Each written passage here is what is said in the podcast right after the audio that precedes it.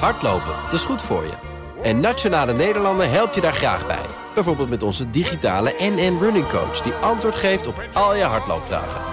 Dus, kom ook in beweging. Onze support heb je. Kijk op nn.nl slash hardlopen. Iedere woensdag spreek ik met Marcel Beerthuizen van sponsoringadviesbureau Big Plant over ontwikkelingen op het terrein van sport en economie. Vandaag met een terugblik op het grootste jaarlijkse sportevenement in de Verenigde Staten. Goedemiddag Marcel. Goedemiddag Thomas. Was het een uh, pittig nachtje om door te komen of heb jij uh, de videorecorder om het ouderwets uit te drukken maar eens laten snorren? Voor de Super Bowl? Ja, ik, ik, ik ga meestal de, uh, de halftime show en dan, dan doe ik mijn ogen dicht. En het was dit jaar helemaal niet de spannende wedstrijd. Dus heb jij gekeken? Nee, ik heb de hoogtepunten uh, de ochtend ja. nadien uh, tot mij genomen. het gaat om de 55e finale van de Super Bowl. Die is op heel veel verschillende manieren interessant. Je kunt kijken naar ja. wie er op het veld gewonnen heeft, wie er buiten het veld gewonnen heeft. Wie waren wat jou betreft de grote winnaars? Nou, Tampa Bay, hè, die, wonnen, die wonnen dus van Kansas, Kansas City Chiefs. Wat eigenlijk niet zo verwacht was. Tampa Bay heeft als quarterback hè, de grote spelverdeler Tom Brady. Ja. Nou, dat heeft waarschijnlijk ieder, zelfs iedereen in Nederland gevolgd. Hè. Die heeft nu zeven keer gewonnen. En die won van eigenlijk de nieuwe Messi, Patrick Mahomes. Uh, maar hij, hij won dus, hij is 43, won opnieuw. En dan heb je nog de eigenaren van die clubs. Dat was ook een wedstrijd tussen de familie Glazer en de familie Hunt.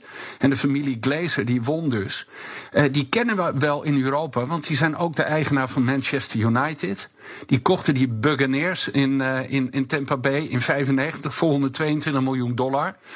En de waarde van die club wordt nu geschat op 1,2 miljard dollar. Nou, bij, bij Manchester United, hè, daar stoppen ze alleen maar schulden in. Maar hier verdienen ze ook echt heel veel geld mee. Dan, wat denk ik het meeste in het uh, oog sprong, was de tribunes. Want die zaten ja. gewoon vol. Ogenschijnlijk zaten ze helemaal vol. Marcel, wat, wat zat daarachter?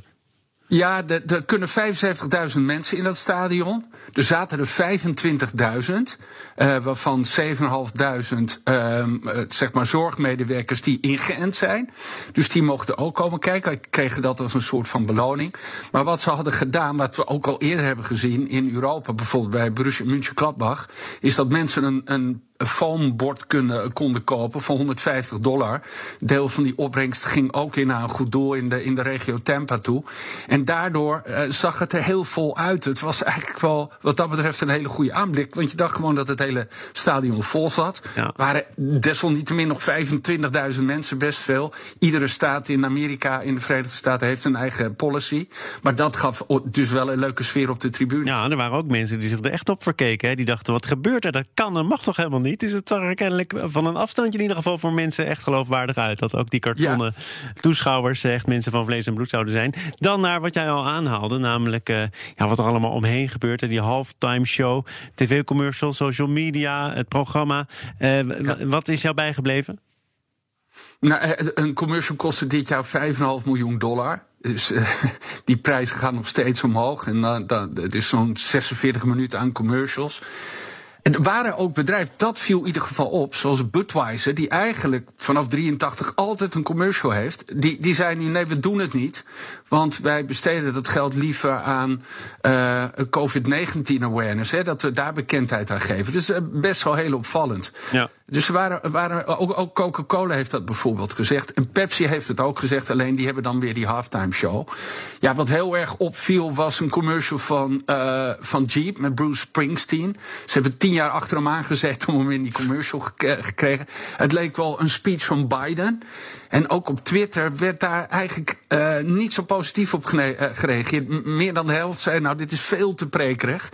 Je kan die, die commercial op YouTube zien, dan zie je dat ook wel. Het is wel, gaat wel heel erg ver. Uh, Toyota had een hele mooie commercial over een, een, een zwemster die meedoet aan de Paralympische Spelen. En de winnaar was in Amerika Rocket Mortgage, ja. een aanbieder van, van uh, uh, hypotheken. Die had, die had echt een hele leuke commercial. Hey, je, je, trekt daar natuurlijk de portemonnee voor. Hè? Je noemde net al die bedragen. Dat doe je omdat je aanneemt dat er heel veel mensen kijken. Was dat ja. ook dit keer weer het geval? Nou, er kijken wel heel veel mensen, maar toch minder dan vorig jaar. Vorig jaar keken er 102 miljoen. Toen was het op Fox. Nu keken er 96 miljoen. Wel steeds meer mensen via streaming video. Dat zie je enorm stijgen. Dus dat is bijna 6 miljoen mensen. Het, beste, eh, het, het, het record stamt uit 2015.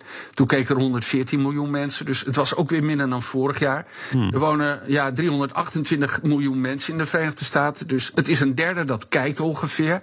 Kijk, als wij in Nederland naar Oranje kijken, als we ver komen, dan, dan kijkt uh, veel meer dan de helft van de bevolking. Dus wat dat betreft kan je er ook nog best uh, een opmerking bij plaatsen.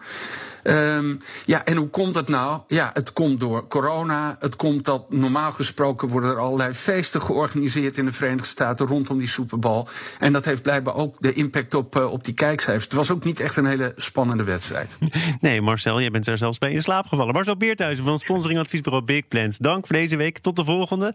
Dit was BNR Zaken doen voor vandaag. Beveiligingsbedrijf Securitas zou in de haven van Rotterdam diep geïnfiltreerd zijn door drugscriminelen, onthulde het AD vorige maand. Ik praat erover door met de nieuwe topman van Securitas, Bart Schmenk. Hij is uh, morgen mijn gast. Zometeen is het eerst tijd voor Nieuwsroom, onze dagelijkse podcast van het FD en BNR, gepresenteerd door Mark Beekhuis. Veel plezier, tot morgen.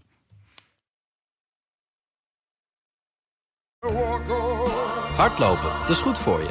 En Nationale Nederlanden helpt je daar graag bij. Bijvoorbeeld met onze digitale NN Running Coach... die antwoord geeft op al je hardloopvragen. Dus, kom ook in beweging. Onze support heb je. Kijk op nm.nl slash hardlopen.